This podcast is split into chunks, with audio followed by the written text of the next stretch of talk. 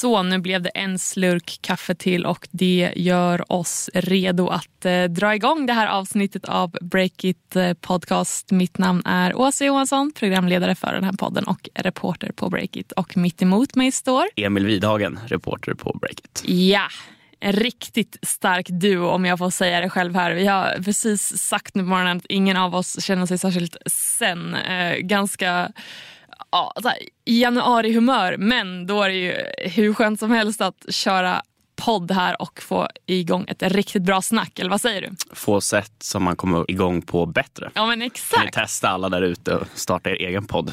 Ja precis, veckans utmaning. precis.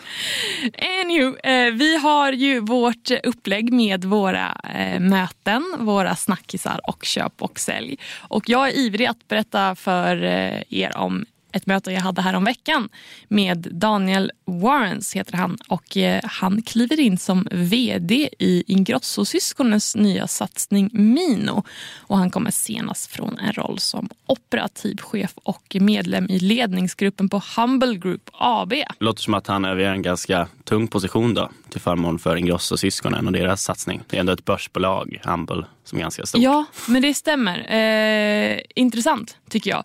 För det är ju vad heter det, Bianca Ingrosso tillsammans med hennes bröder eh, Benjamin och Oliver Ingrosso som har dragit igång den här satsningen och det handlar om försäljning av livsmedel och produkter kopplade till matlagning, exempelvis olika typer av köksredskap. Då. Och Daniel berättade att eh, nej men det var alldeles spännande för att säga nej eh, till att vara med i det här och eh, för hans del så gick det ganska snabbt att ta det här beslutet vilket är också ganska kul ändå i och med att som du säger, alltså, han hade en ganska tung position tidigare och nu ska han leda Ingrosso-syskonens eh, nya bolag. Men en annan sak också som, eh, som man var tvungen att fråga om. Liksom, hur stor betydelse är det för det här nya bolaget att, att det är grundat av en trio som är så här eh, kända?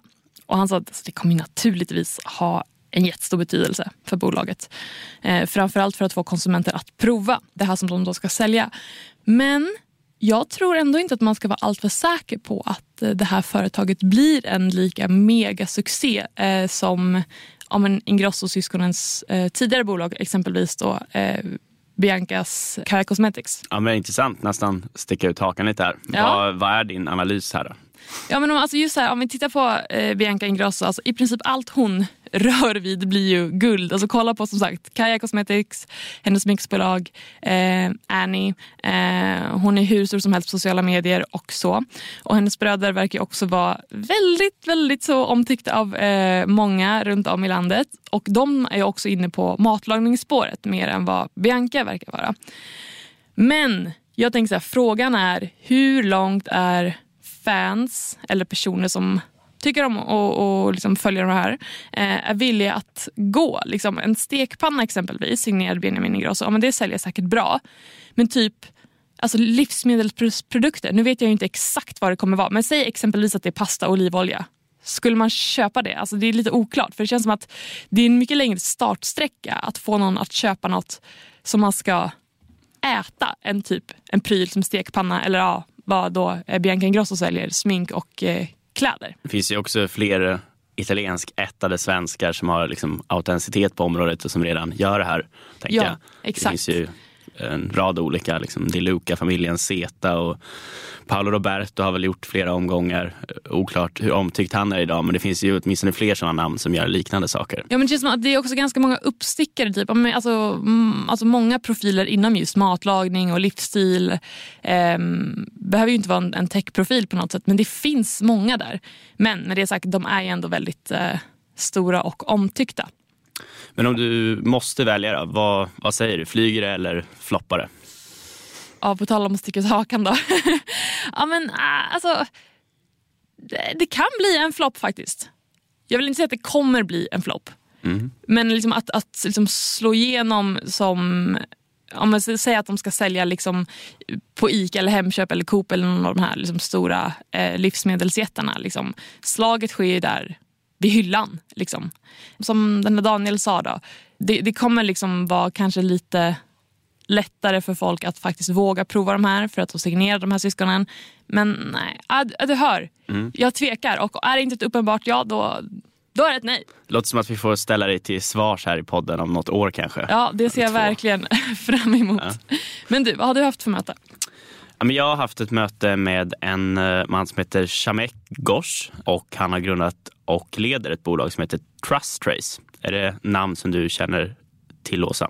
Alltså inte jättemycket förutom att jag såg en pushnotis från Breakit nu på morgonen eh, där de här förekom. Det stämmer ja. det? Ja, det stämmer. Det Men stämmer. det, jag tänkte så här, men, eh, jag ska inte läsa, jag vill höra eh, vad du har att säga istället. Ja, men då tar vi det så. Eh, det är enkelt förklarat så har de eh, tagit fram en digital lösning, en mjukvaruplattform eh, som ska ge bolag i mode och textilbranschen möjlighet att tracka hela sin eh, leveranskedja och produkterna genom den. Okej. Eh, så det är en supply chain-plattform för att bolag ska synliggöra helt enkelt eh, de olika stegen i den och liksom förbättra sina hållbarhetsprocesser.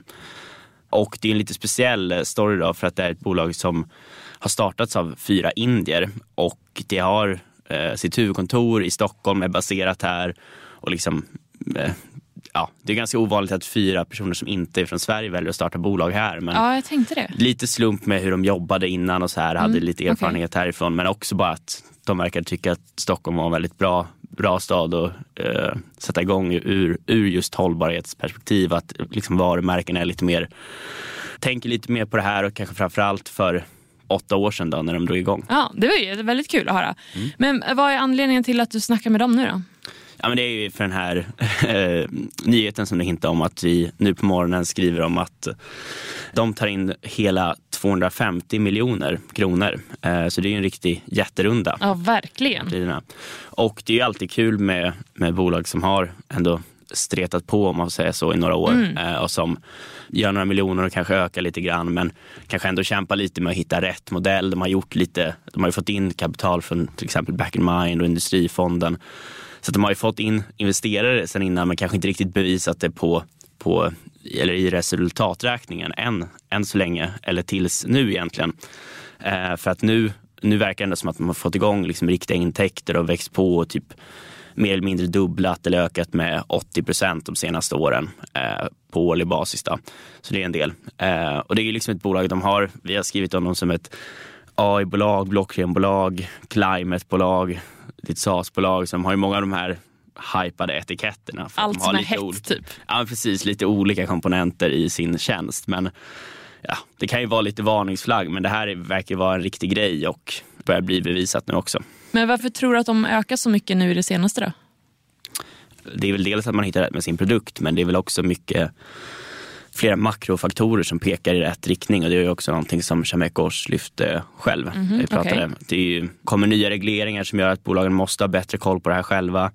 Vi har ju pratat tidigare om olika hållbarhetsredovisningar som måste göras mer. Ja. Redovisa sina utsläpp, eh, regleringar som kommer på den fronten.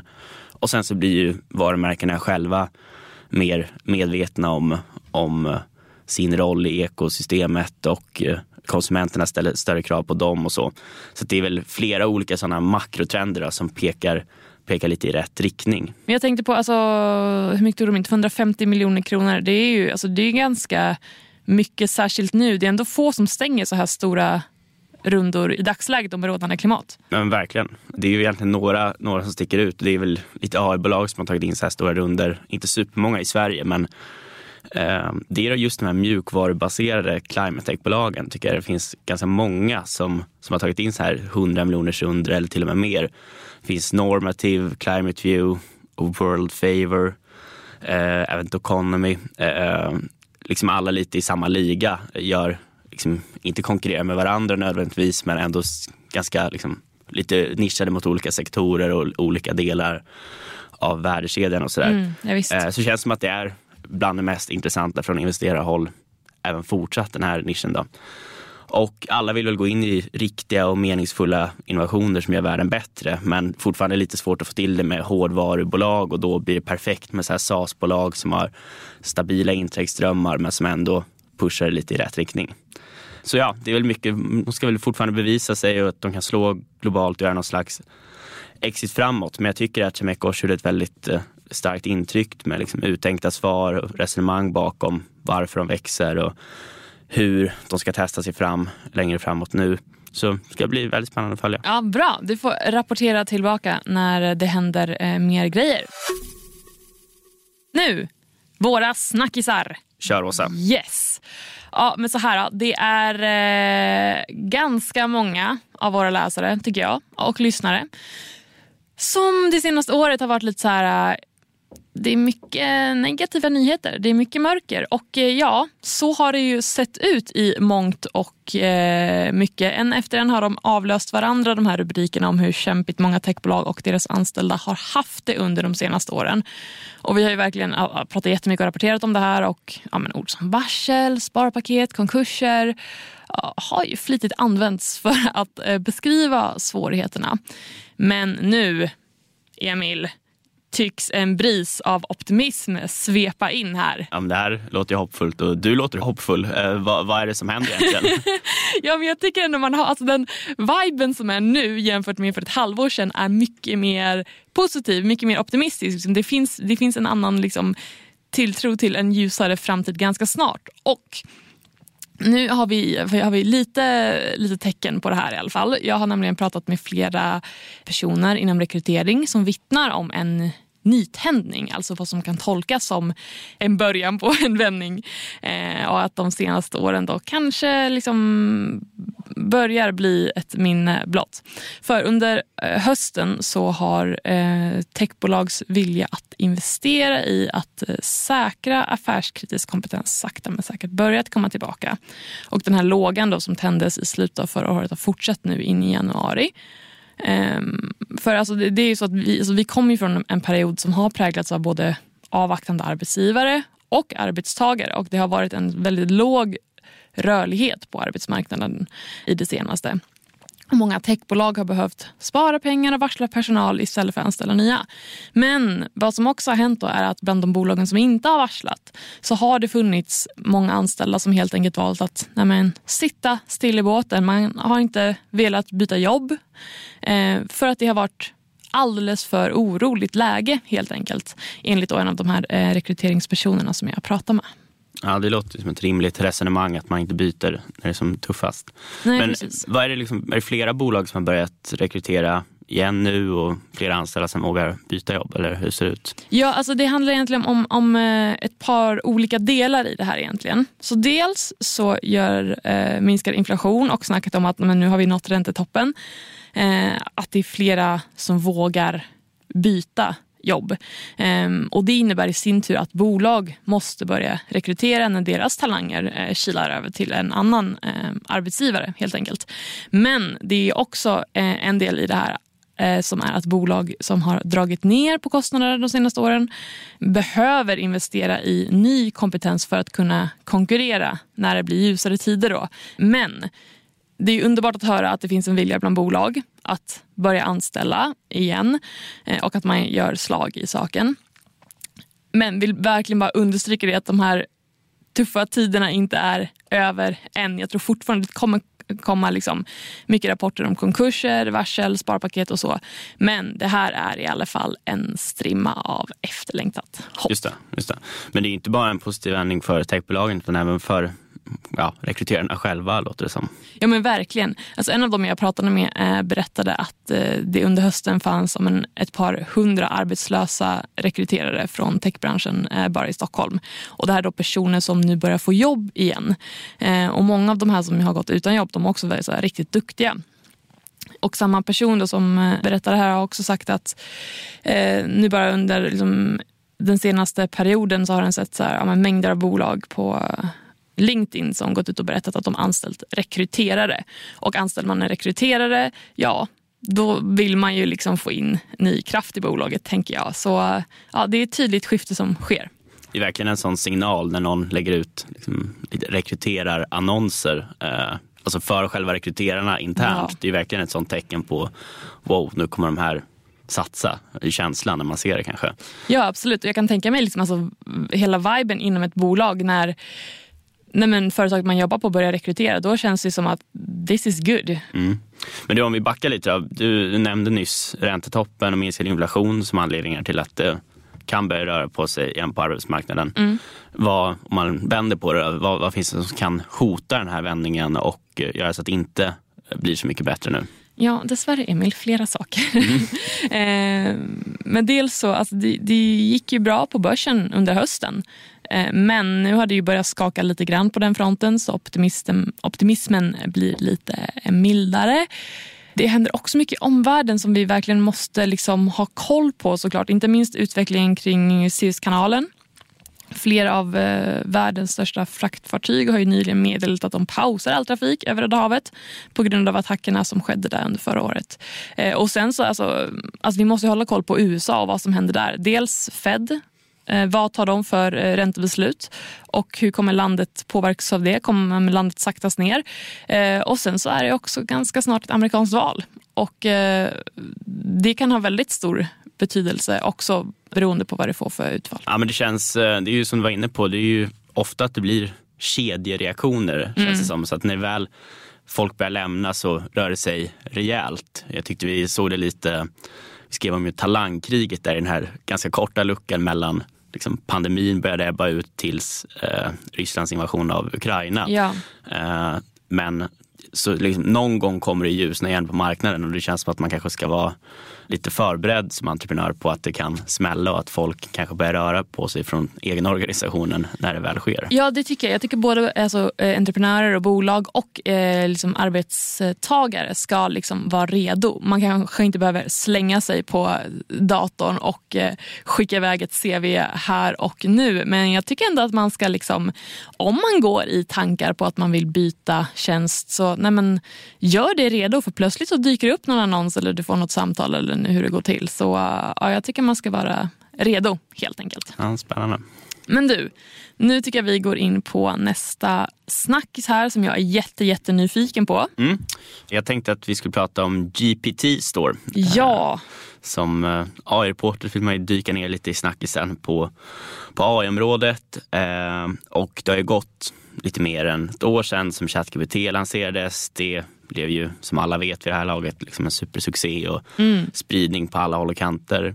Eh, men man får säga att nu kommer egentligen den största uppdateringen av ja, det som får ses som AI-världens lokomotiv, OpenAI mm. och deras tjänster sen det släppet och där kanske inte riktigt har blivit lika, lika uppmärksammat och liksom omdiskuterat om vad det kan innära. Har du följt den här utvecklingen också. Alltså du menar eh, GPT Store-utvecklingen? Ja precis, den senaste veckan. Då. Eh, inte jättemycket. Jag, jag läste din rapportering som jag tyckte var skitbra, verkligen. Eh, men det blir också så här med AI, alltså att det är så mycket AI och det känns som att man hela tiden måste läsa, läsa, läsa, läsa och så fort man känner att okej okay, men nu kanske jag är i fas. Nej, men då kommer det någonting mer, då bara herregud. Ja, man måste, ständig hemläxa och eh, att göra. Liksom. jag, jag håller med dig. Det är så mycket som skrivs och jag tror att alla, allas flöden domineras av det. Så det är ganska svårt att sålla in när det kommer information som är ny som man faktiskt kanske måste ta in och liksom fundera lite på hur det påverkar en framöver. Ja. Och så. Men det här är en sån grej. Det här, det här måste man ja, ha koll på. Det tycker jag ändå att man ska ha koll på framåt. Men så här, GPT är det stora kanske, men det är även lite andra förändringar som har gjorts. Om vi börjar med det och river av okay. dem. Ja. Det blir till exempel möjligt att registrera teamkonton av OpenAIs tjänster. Eh, det blir en uppdatering på liksom allmänna användarupplevelsen, liksom hur det ser ut när man väl loggar in, lite snyggare, enklare, mer modernt. Eh, och också ett löfte om att OpenAI inte ska tränas på betalande företags egna data. Okay. Och det här öppnar upp för att liksom, mindre bolag kanske vågar börja ladda upp sin data och hantera den på OpenAIs plattform och liksom bygga saker även där direkt och på så sätt göra applikationen mer, mer användbar för dem. Så det här är ju alla de här liksom uppdateringarna som gör, som nämndes nu, de kan alla påverka så att företag börjar använda det mer, betala lite mer, stärker liksom OpenAIs affärsmodell och deras intäktsströmmar och så.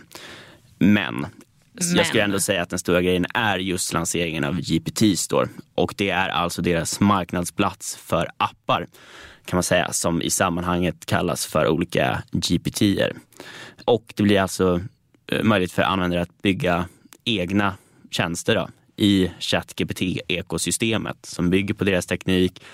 Du kan köpa dem likt, likt en app eller liksom ladda ner likt en app i App Store.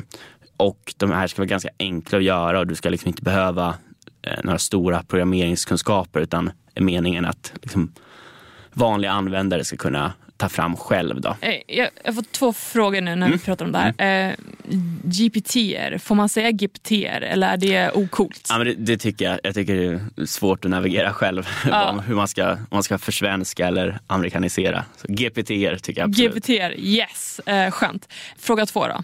Varför är det här en så himla stor grej då med lanseringen av eh, GPT Store? Ja, som sagt, det kan ju bli, låta liksom halvintressant med sån här produktnyhet. Men det relaterar till hela AI-debatten och den snabbaste enklaste förklaringen är att om man tänker på att Apple, man spolar tillbaka 15 år i tiden och liksom ja. tänker när Apple lanserade sin App Store. Det är åtminstone så vissa vill beskriva den här eh, utvecklingen som sker nu, att det ska liksom jämföras med vilken effekt det fick för iPhonen och iPaden och de produkterna. Mm.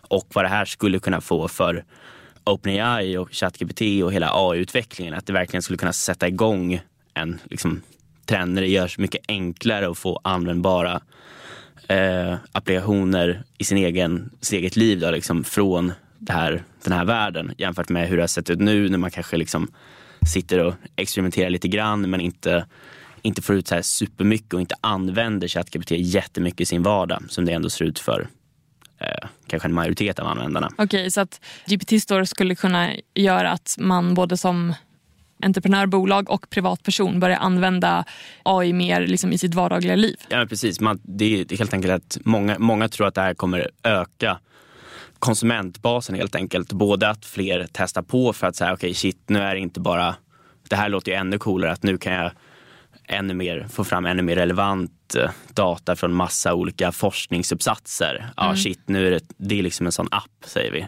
Och då blir det ett, en GPT då. och eh, då blir det mycket tydligare att man kan använda det jämfört med bara sålla i den här one size fits all modellen som ChatGPT är lite nu. Men varför det är intressant att följa är också att bara ur ett rent maktkampsperspektiv mellan AI-bolagen så stärker det här OpenAI och deras position som det ledande AI-bolaget. Eh, eller kan åtminstone göra det. För att de ligger redan först och blir det här en massmarknadsprodukt så blir det ännu svårare för vissa konkurrenter att knappa in och ta igen försprånget. Tror du att det är lite det som är tanken med det hela? Absolut alla drag är väl liksom för att säkra. Det är så mycket pengar så att kan man få ett ännu lite större försprång så är det klart, klart man gör det. Ja men absolut. Men du jag tänkte här, hur ska liksom det här funka? Vad vet vi? Ja, men det är lite som är oklart än så länge. Det är, just nu får man mest jämföra det med, med historiska skedet App Store.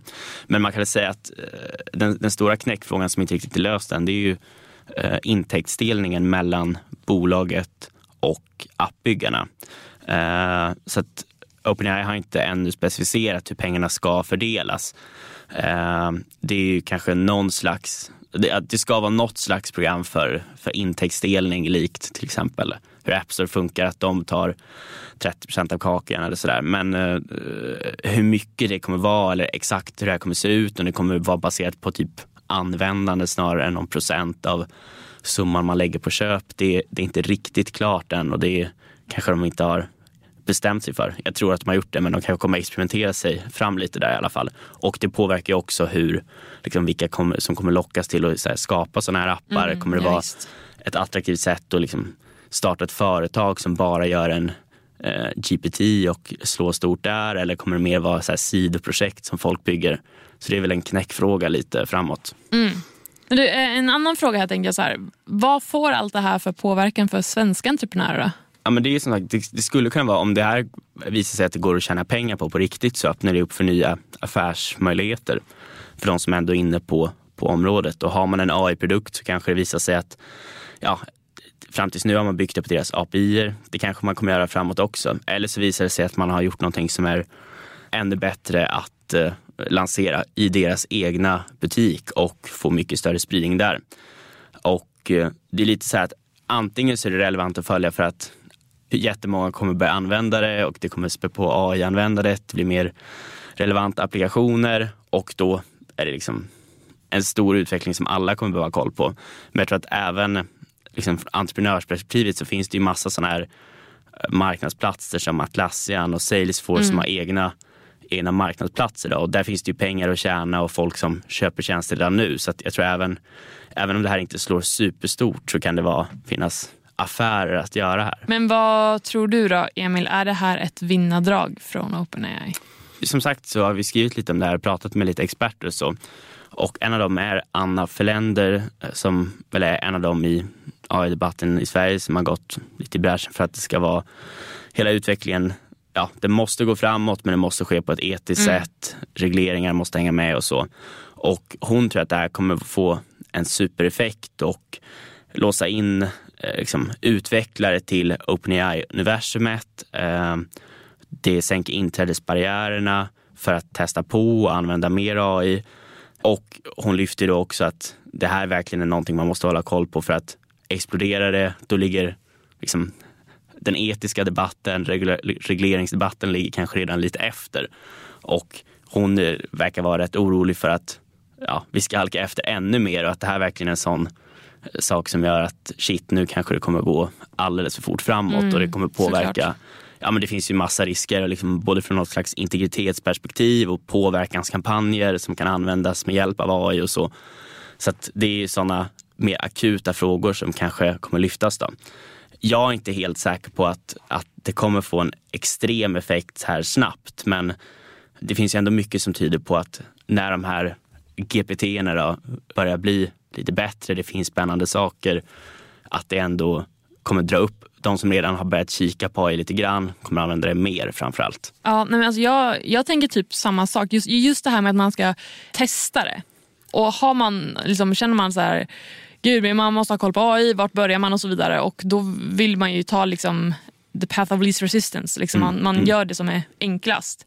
Eh, men intressant också kommer vara att se hur, hur OpenAIs konkurrenter agerar. De kan hänga med liksom? Ja, kommer de kasta ihop någonting liknande på en gång? För att, eh, för, alltså det, det ser man ju. Liksom, mm. Mängder av bolag göra. Liksom allt från sociala medier och, och you name it. Liksom. Att Precis. kommer konkurrenterna med någonting hett som man känner att shit det här kan bli huge. Då måste man ha någonting som är ja, men i alla fall second best. Ja, nej men det, och sen eh, egentligen så finns det inget som säger att de inte, att till exempel Google kan göra en liknande marknadsplats och få samma effekter där när de väl kommer ikapp lite grann och folk föredrar deras AI-produkter istället. Så det är inte säkert hur stora de här, med, med hela Apples system så blir det så här, ja, alla man känner, många man känner har iPhone, då vill man också ja. ha det. Och liksom, det blir enklast att mm. använda mm. och man har flera olika enheter för att det blir lättast att synka däremellan.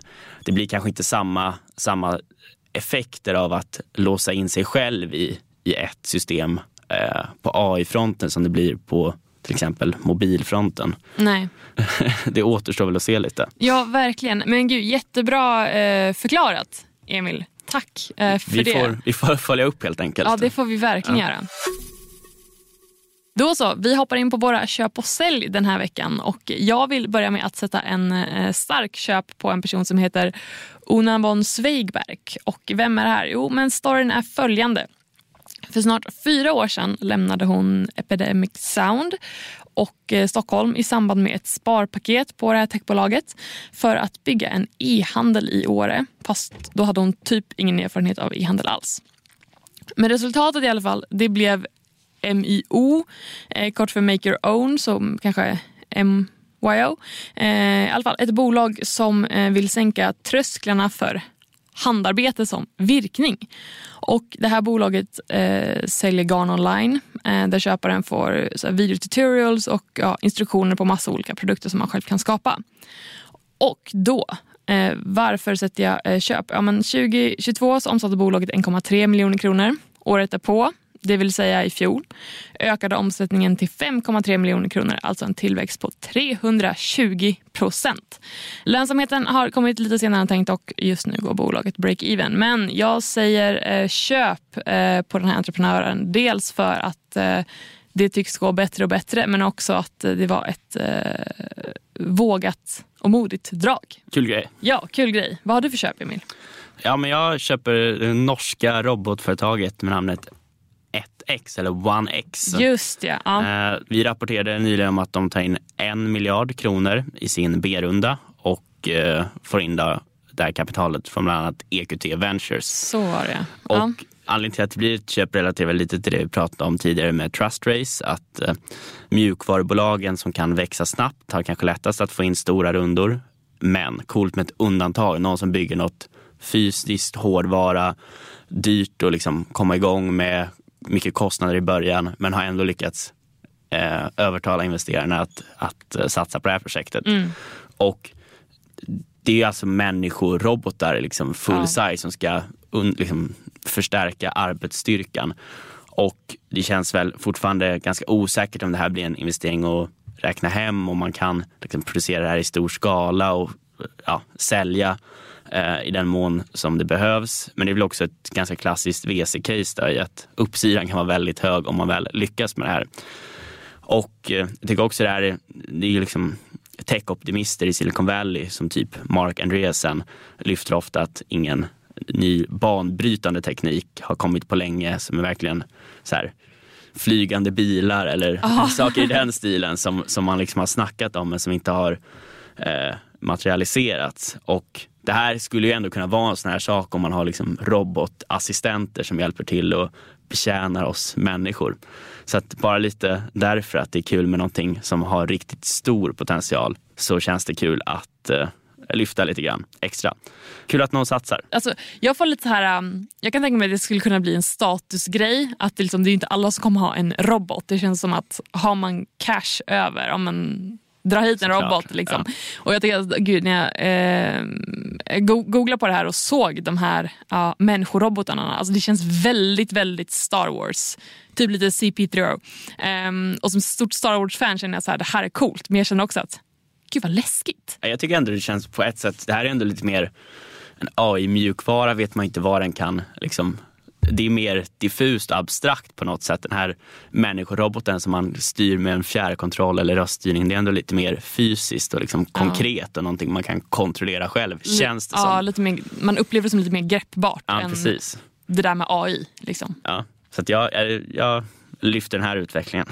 Ja, eh, snart kommer alltså Emil ha en eh, robot hemma som eh, städar och fixar käk. Mm. ja, men min sälj då, det blir faktiskt Threads som har floppat typ.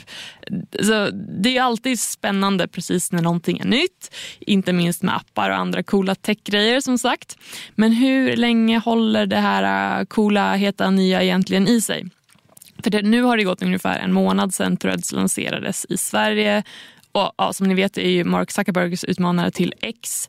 Och sedan dess då har användarna stabilt ökat i Sverige. Men enligt Medieakademins Hampus Brynolf så är tillväxten bättre i Sverige än i andra länder. Överraskande bra till och med. Han säger att i USA så har Threads peakat jättesnabbt och sen dalat.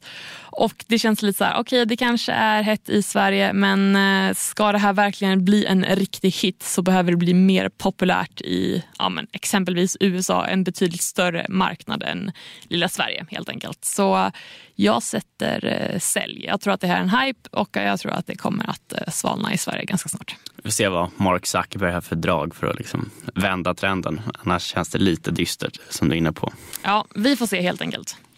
Vad sätter du sälj på Emil? Ja, min sälj blir faktiskt eh, e-handlarna. Eh, det känns som att det är många e-handlare som står inför en riktig ödesmånad nu. Mm. Eh, januari är ju en ganska tuff, tuff månad för många. Det är eh, reor som är över, eh, skatterna ska ofta in nu, leverantörerna ska ha betalt och de har ju kommit från liksom månader, november, december med Black Week och julkampanjer och allting där de ja, det är deras bästa månader egentligen och kanske ja, där de ska ha en stor del av sin försäljning i många fall. Eh, men det innebär också att de bygger upp väldigt stora lager och når man inte riktigt sina försäljningsmål då kan det få ganska allvarliga konsekvenser ganska snabbt. Ja, blir det ganska svettigt va? Ja men precis, för det är ju det är många e-handlare som redan har det tufft och krisar och sitter man med skuldberg sen innan skatten ska in då, då kan det här kanske bli månaden som fäller en om det inte ser jätteljust ut innan. Det är liksom inte bara själva resultatet som spelar roll ofta för e-handlare utan likviditeten är ju kanske en extra stor utmaning för många här. Så att det skulle tyvärr inte förvåna eh, mig jättemycket om vi får se några konkurser utannonserade som bygger lite på att januari knäcker dem och därför säljer jag e-handlarna just nu i alla fall. Allihopa? Ja, jag tror de flesta klarar sig, men nog, nog, lite fler än en vanlig månad kommer nog stryka med nu. Ja, tråkigt. Vi får hålla fast i den här lilla eh, strimman av hopp och ljus som vi snackade om tidigare som ja, vi hoppas kommer lysa desto starkare snart i alla fall. Men vad säger du Emil? Vill vi säga någonting mer eller eh, är vi nöjda? Vi är nöjda och vi känner oss kanske lite piggare till och med. Ja men verkligen, eh, det gör vi. Du som har lyssnat, tusen tack för att du är med oss. Hör jättegärna av dig med kommentarer, frågor, högt och lågt, ris och ros och så vidare. Mig når du på asa.breakit.se. Mig når du på emil.breakit.se. Grymt. Hörs nästa vecka. Hej då.